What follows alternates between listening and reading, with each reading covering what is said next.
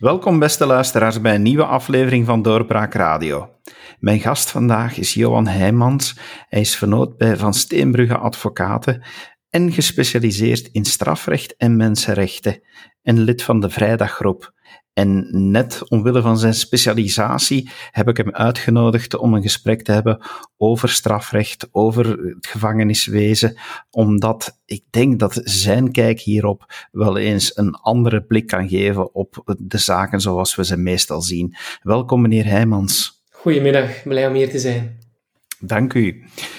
Laat ik maar meteen met de deur in huis vallen. U hebt uiteraard heel veel ervaring met strafrecht, dus ook met mensen die daar spijtig genoeg mee in aanraking komen.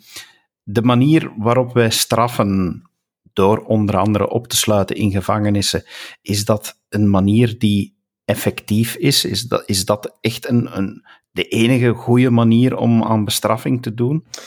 Wel, er zijn natuurlijk straffen in België is iets dat een heel brede waaier uh, dekt. Dus de gevangenisstraf is daar maar één klein onderdeel van. Er zijn tal van andere mogelijkheden uh, die er zijn, gaande van geldboetes tot werkstraffen, tot bepaalde begeleiding, probatievoorwaarden uh, die gevolgd moeten, moeten worden. Dus er is een enorm breed arsenaal aan mogelijke straffen. Maar de gevangenisstraf is waarschijnlijk wel de straf die het meest tot de verbeelding uh, spreekt. En die de meeste mensen ook gaan associëren als ze spreken over strafrecht en dingen mispeuteren, dan denkt men meteen aan die gevangenisstraf. nu, over de vraag van is uh, straffen of gevangenisstraffen dan toch, is dat eigenlijk uh, nuttig of een meerwaarde? Is mijn antwoord eigenlijk nee. En ik snap dat mensen vaak in, de, in het gevoel leven, in de retoriek van uh, oog om oog, tand om tand, iemand heeft iets mispeuterd en hij moet er hard voor betalen. Um, ik begrijp waar dat vandaan komt, dat gevoel. Maar de realiteit, en dat is eigenlijk uh, hetgene wat dat mij tijdens die jaren dat ik dat nu al doe, uh, strafrecht, um, heel erg is opgevallen, is dat het ons een, als samenleving een vals gevoel van veiligheid geeft. Omdat vaak mensen denken, ah, we hebben ze weggestopt, ze zitten lang in de gevangenis, nu zijn we op ons gemak. Maar dat is niet zo. Integendeel. In België, als je kijkt naar mensen die effectief in de gevangenis uh, gaan, is er daar misschien een handvol van die voor de rest van hun leven zullen verdwijnen in de gevangenis. Maar nagenoeg iedereen komt ooit vrij. En dan is de vraag, hoe komen ze vrij? Wat hebben ze daar meegemaakt? Hoe hebben ze dat uh, beleefd, die periode uh, daar? En dan zou eigenlijk de bedoeling moeten zijn van een gevangenisstraf dat mensen daar beter uitkomen, voor zichzelf in de eerste plaats, maar ook voor de samenleving. Want de samenleving heeft er niets aan dat het volloopt met tikkende tijdbomen, mensen die vol frustratie en problemen, psychisch, verslavingen enzovoort uh, zitten. En daar moet ik dan wel zeggen, ik heb met heel veel mensen al gesproken over het nut of de onzin van uh, gevangenisstraffen, dat ik eigenlijk nog nooit iemand ben tegengekomen die beter is geworden van een gevangenisstraf. Die zei, daar heb ik nu echt een keer iets van geleerd. Dat heeft mij iets doen inzien uh, in mijn leven. Integendeel, wat we zien is dat mensen er vaak veel slechter uh, vanaf komen. Um, bijvoorbeeld dat mensen uh, verslavingen opdoen in de gevangenis. Uh, de gevangenis, dat is iets waar we straks misschien nog eens over gaan spreken, maar gevangenissen worden ook soms een beetje voorgesteld als luxehotels in België. ik heb vaak al gezegd tegen scholen en schooldirecteurs en directrices dat men eigenlijk een keer met kinderen naar zo'n gevangenis zou moeten gaan om eens te laten zien hoe het daar eigenlijk is. Omdat we dan eigenlijk allemaal weten in, in onze samenleving waar we eigenlijk over praten, maar het is allerminst een luxe hotel. Het is vaak ontiegelijk oud, die gebouwen. Er zijn nu een paar nieuwere gevangenissen, maar ah, ik heb toch nog veel verhalen van cliënten die uh, enkel een nachtpot hebben op, het, uh, op de cel, die dan s ochtends wordt opgehaald in het beste geval, die op de matrassen op de grond moeten liggen, die met drie op een cel zitten en maar twee stoelen hebben bijvoorbeeld, als ze dan een beurtrol moeten doen, wie dat er kan eten, wie dat er aan het bureautje, dus maar één bureautje in die cel kan zitten, enzovoort. Dus eigenlijk als we kijken naar die gevangenisstraffen, die absoluut geen luxe hotels zijn, dan zien we eigenlijk heel vaak dat mensen daar dus slechter uit uh, voortkomen, doordat verslavingen, problemen die aan de oorsprong lagen van het misdrijf dat ze gepleegd hebben, dat die niet opgelost worden. Omdat ze daar eigenlijk een beetje in de vergeetput uh, zitten. En dat kan niet de bedoeling uh, zijn. We hebben inderdaad het idee dat een gevangenisstraf ook bedoeld is om de mensen een kans te geven hun, hun leven te beteren, dat men ja, er voor een stuk misschien heropgevoed wordt, maar zulke begeleiding die ontbreekt dan volledig in gevangenissen. Het is niet dat ze volledig ontbreekt. Er zijn zeker mensen die daar echt goed werk proberen uh, te verrichten. Maar het is gewoon veel te weinig aan personeel, aan geld, aan visie eigenlijk ook en aan beleid. Uh, om daar echt een enorme impact uh, te hebben. Ik kan je een voorbeeldje geven. Ik heb bijvoorbeeld een cliënt die hoog opgeleid is en die in de gevangenis zit op dit ogenblik. Wel, die is eigenlijk al gedisqualificeerd van nagenoeg elke opleiding in de gevangenis, omdat die echt focussen op mensen die nog uh, de basis moeten leren van Nederlands of Frans bijvoorbeeld, of heel eenvoudige opleidingen. Um, ja, daar is veel meer uh, mogelijk dan wat er nu eigenlijk uh, gebeurt. En ik ga het voorbeeldje ook met je geven als we kijken, want dat is eigenlijk het grootste probleem als ik daar sprak over de, de risico's die er zijn in onze, in onze samenleving uh, in, in die sector, is dat eigenlijk er zijn twee grote studies in België gebeurd, die tussen de 60 en de 70 procent uh, van de mensen die ooit gestraft worden, uh, daarvan aangeven dat die gaan recidiveren, wat betekent dat ze opnieuw feiten gaan plegen. Dat is een enorm hoog cijfer. En dat komt omdat er eigenlijk in de gevangenissen onvoldoende gewerkt kan worden uh, met die mensen. In Nederland heeft men datzelfde probleem vastgesteld. In 2007 heeft men dan eigenlijk een beleid op uh, poten gezet om die cijfers van recidive om die terug uh, te dringen. En is men daar ook in geslaagd om daar tientallen procenten af te krijgen van die uh, cijfers, om daar, men daar echt op een coherente manier aan heeft zitten sleutelen om mensen, zoals u aangeeft, te begeleiden, te helpen, de problemen die hen in de misdrijven hebben gestort bij de wortel aan te pakken. En dat werpt zijn resultaten af. Bij ons zijn er zeer veel mensen die het goed voor hebben in het systeem, maar er zit geen lijn in. Een pilootproject bijvoorbeeld dat goed werkt in een gevangenis, wordt voor een aantal jaren geprobeerd en daarna weer afgevoerd zonder dat het wordt uitgerold naar andere uh, gevangenissen. Of er komt een nieuwe minister van Justitie die zijn eigen accenten weer wilt leggen en alle zaken die ervoor zijn gedaan, die gaan weer in de, in de koelkast. En zo kan je natuurlijk geen beleid uh, voeren en geen coherentie hebben in je manier van aanpak, omdat zo'n probleem van recidive terugvinden uh, of uh, terugdringen, dat is iets dat zeer veel tijd kost. Dat is niet van vandaag op morgen dat je daar uh, enorme verschillen in kan maken. Je moet daar een beetje um, ja, consistent je best voor, voor doen. En dat gebeurt, mijn inziens, ondanks het feit dat er veel mensen een goede bedoeling hebben, te weinig, omdat er veel te veel gevangenen zijn voor veel te weinig personeel en veel te veel coherentie zit in het beleid uh, op dat vlak. Er zit dus een stuk ja, gebrek aan visie in, in het beleid. Er is dan waarschijnlijk geen overkoepelend plan voor alle gevangenissen.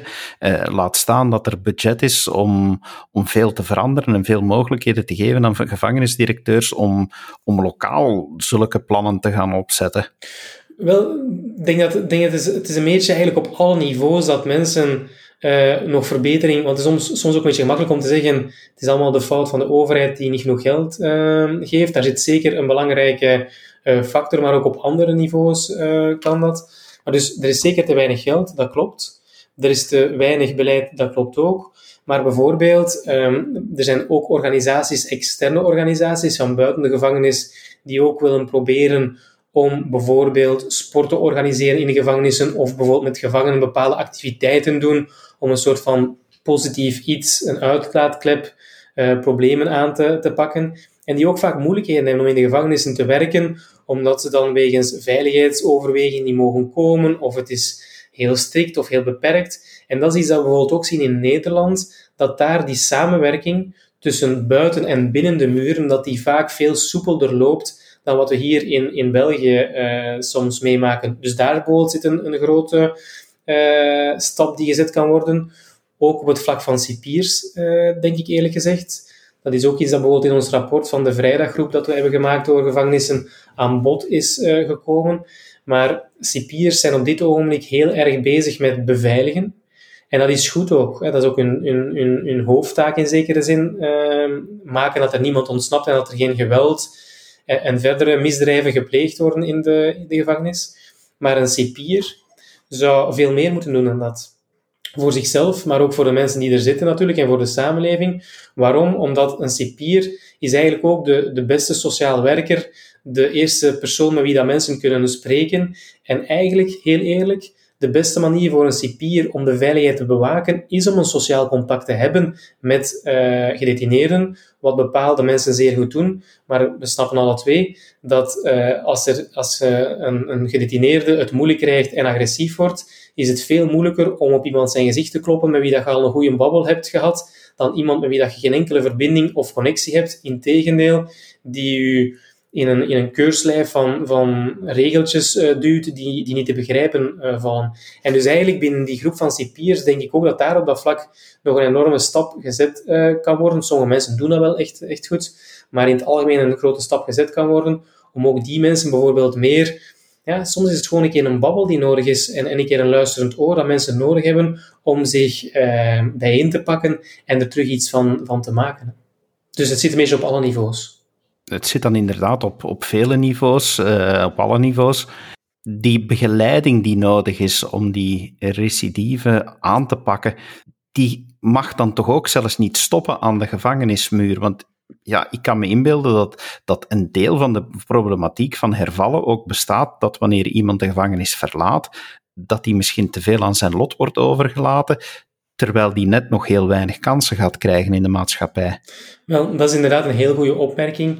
In die zin dat, um, daarmee dat ik ook een grote voorstander ben van alternatieven. Sommige mensen moeten natuurlijk effectief in de gevangenisstraf of een gevangenisstraf krijgen. Sommige misdrijven zijn gewoon te zwaar om mensen gewoon een werkstraf uit te geven.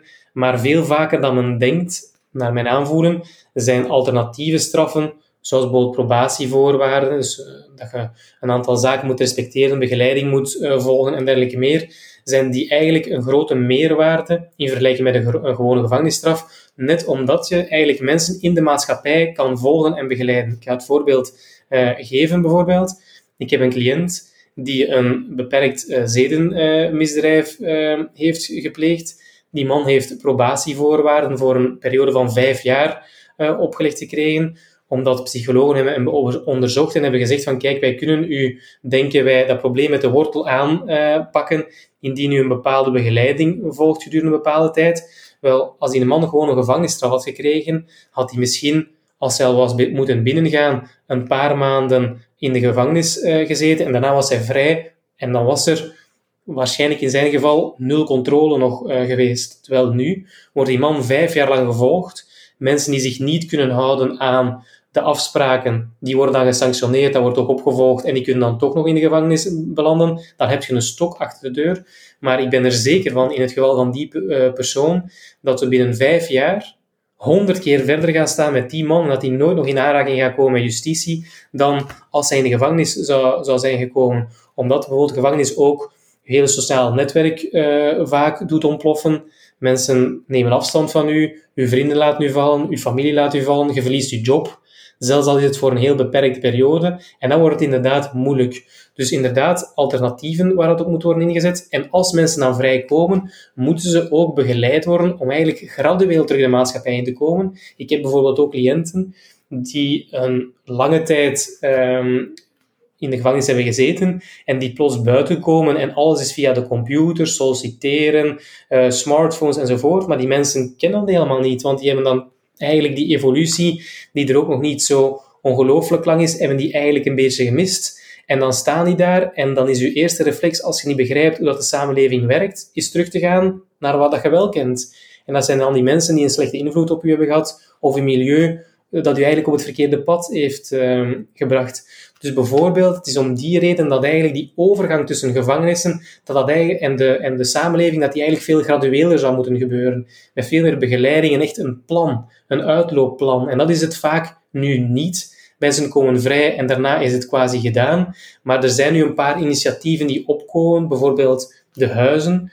Dat is eigenlijk een soort van kleine um, gevangenissen die mensen eigenlijk op het einde van hun straf meer gradueel de samenleving wilt inbrengen, waar mensen eigenlijk in huizen, in, in, in kleine huizen, niet meer in zo'n grote gevangenissetting uh, terechtkomen. Uh, en dan eigenlijk terug leren hoe het is om op te staan elke ochtend, om uw eten klaar te maken, om uw eigen was te doen, eh, op termijn eventueel ook terug te gaan werken enzovoort. Dus al die zaken leren zij opnieuw aan.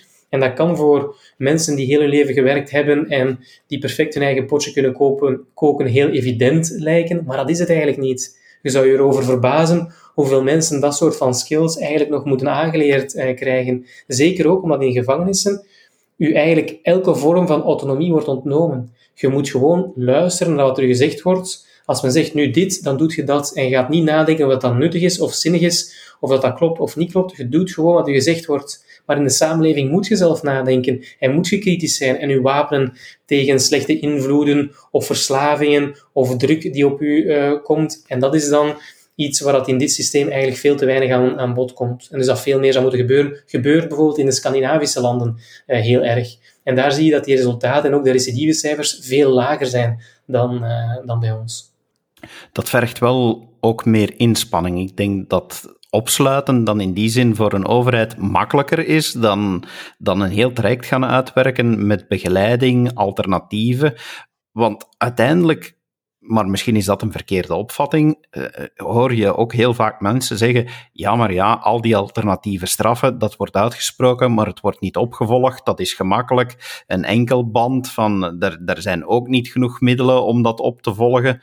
Klopt dat beeld dat wij als maatschappij hebben daarvan? Wel, er zijn twee, twee aspecten in, in, uw vraag. Dus de eerste vraag van klopt dat? Dat klopt niet. In de zin van, dat wordt echt goed opgevolgd. Bijvoorbeeld een werkstraf die niet wordt uitgevoerd of probatievoorwaarden die niet worden nageleefd. Wel, voordat je het weet, staat je uh, voor de rechtbank of voor de probatiecommissie uh, die u daarvoor zal sanctioneren en die situatie zal onder de loep uh, nemen om te kijken dat effectief of wat er aan de hand is in de eerste plaats en dan in tweede instantie wat men dan verder moet doen. Dus dat is zeker, zeker incorrect.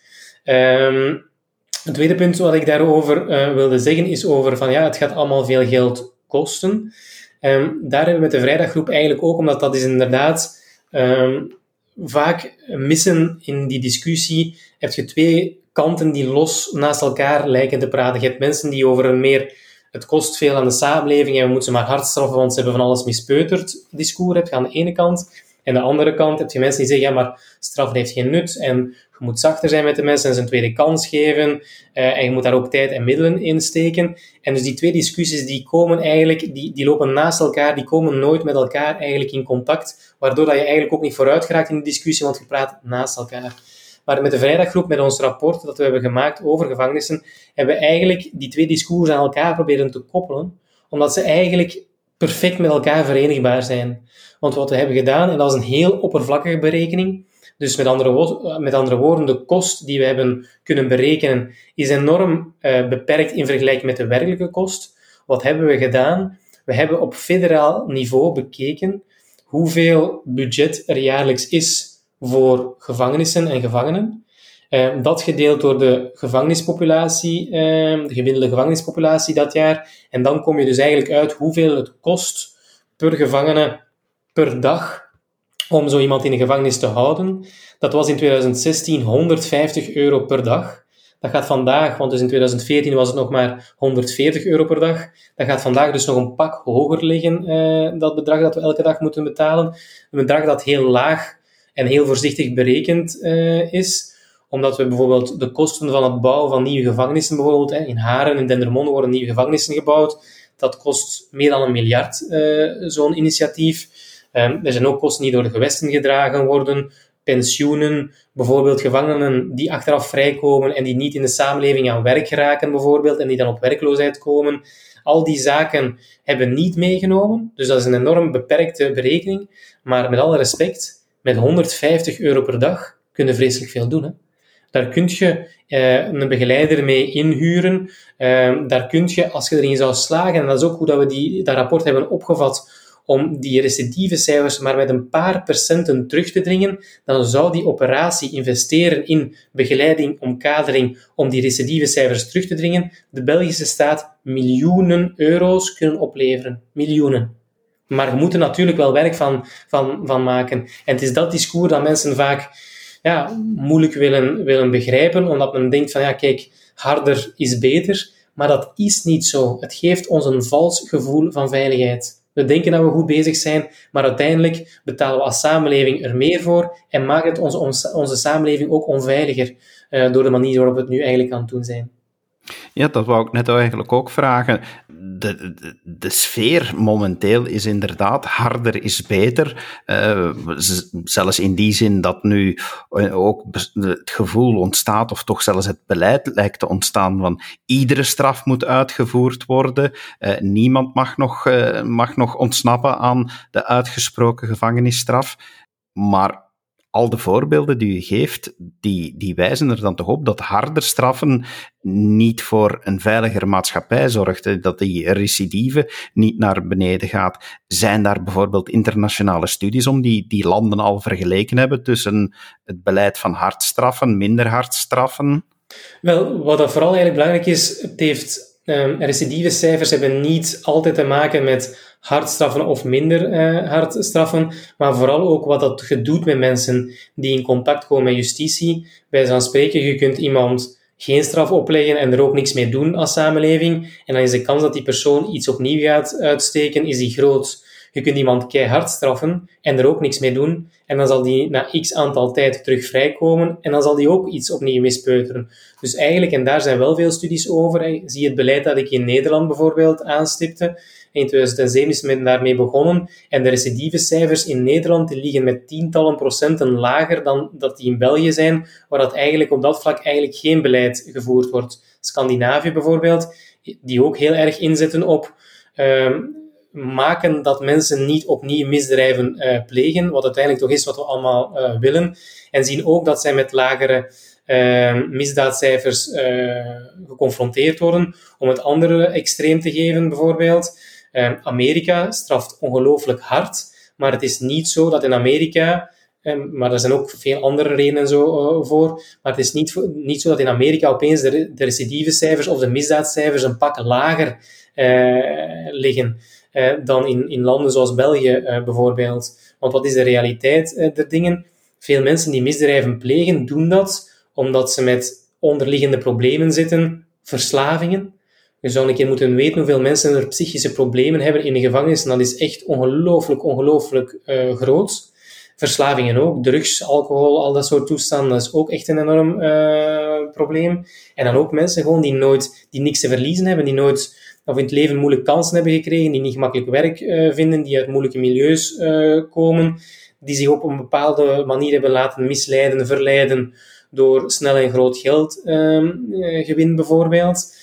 Ja, dat zijn geen zaken die, die je wegneemt door keihard te gaan, gaan straffen. Dat maakt eigenlijk niet zo heel veel indruk. in België proberen we dat eigenlijk ook een beetje. We zien in bepaalde, zeker in drugszaken, dat bepaalde arrondissementen binnen België veel harder straffen dan andere.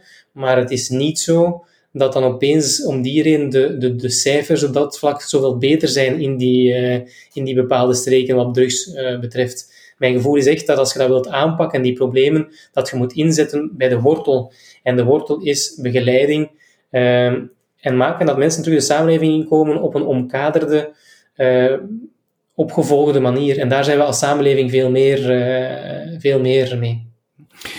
Is het dan, als ik het zo wat bij elkaar puzzel, is het dan net niet een groter risico dat nu de minister van Justitie die korte straffen uh, ook wil gaan uitvoeren? Want ja, dan zeg je toch eigenlijk, je zet mensen beter niet in de gevangenis, want daar komen ze net in aanraking met alle omstandigheden die het moeilijker maken om op het rechte pad te blijven nadien.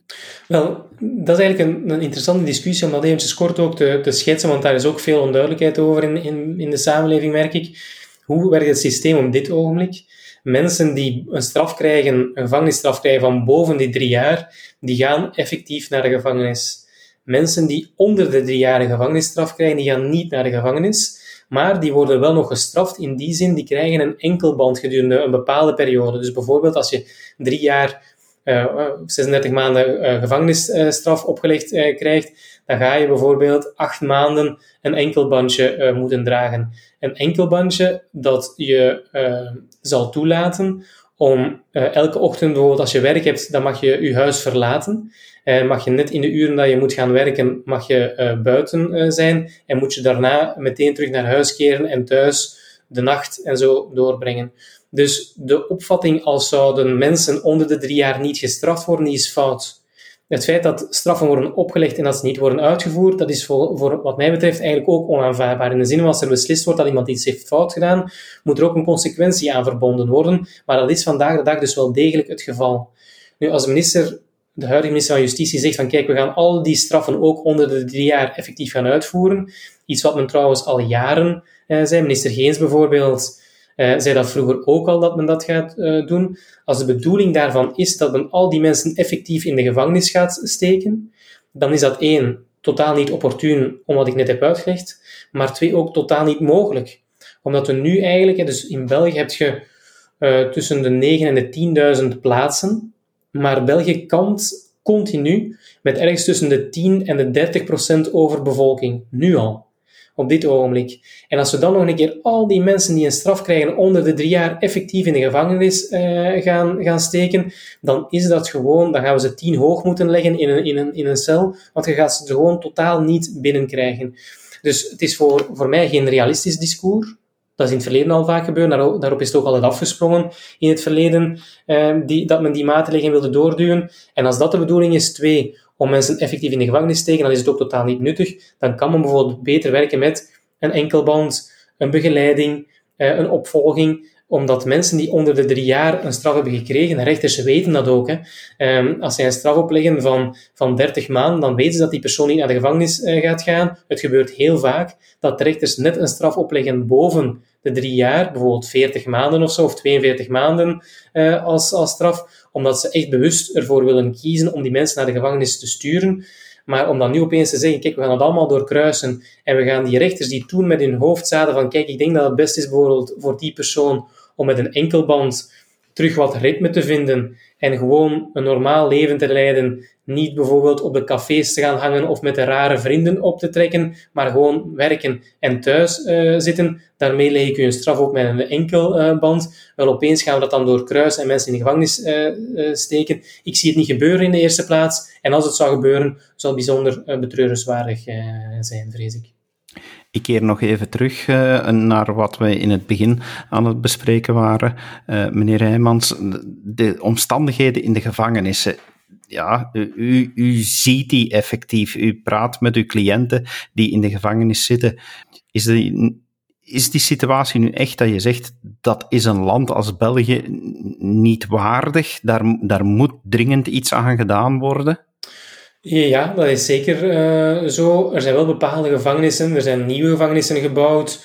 Hasselt, Beveren, dat is een, een helemaal andere setting. Dat zijn veel modernere, menselijkere gevangenissen. Maar bijvoorbeeld, als je naar uh, gevangenis gaat in Antwerpen, Sint-Gilles, Vorst, ja, dat is eigenlijk om te wenen. Hè? Dat als je daar uh, naartoe gaat. Een paar jaar geleden heeft bijvoorbeeld Nederland plots geweigerd om nog mensen uit te leveren of over te leveren naar, naar België omdat uh, de, de situatie in de gevangenissen zo dramatisch en onmenselijk was, dat men, dat, uh, dat men schrik had om zich schuldig te maken aan internationale misdrijven als men dat als land uh, zou gaan doen. Dus dat wil wel iets zeggen. Ik heb u het voorbeeld gegeven.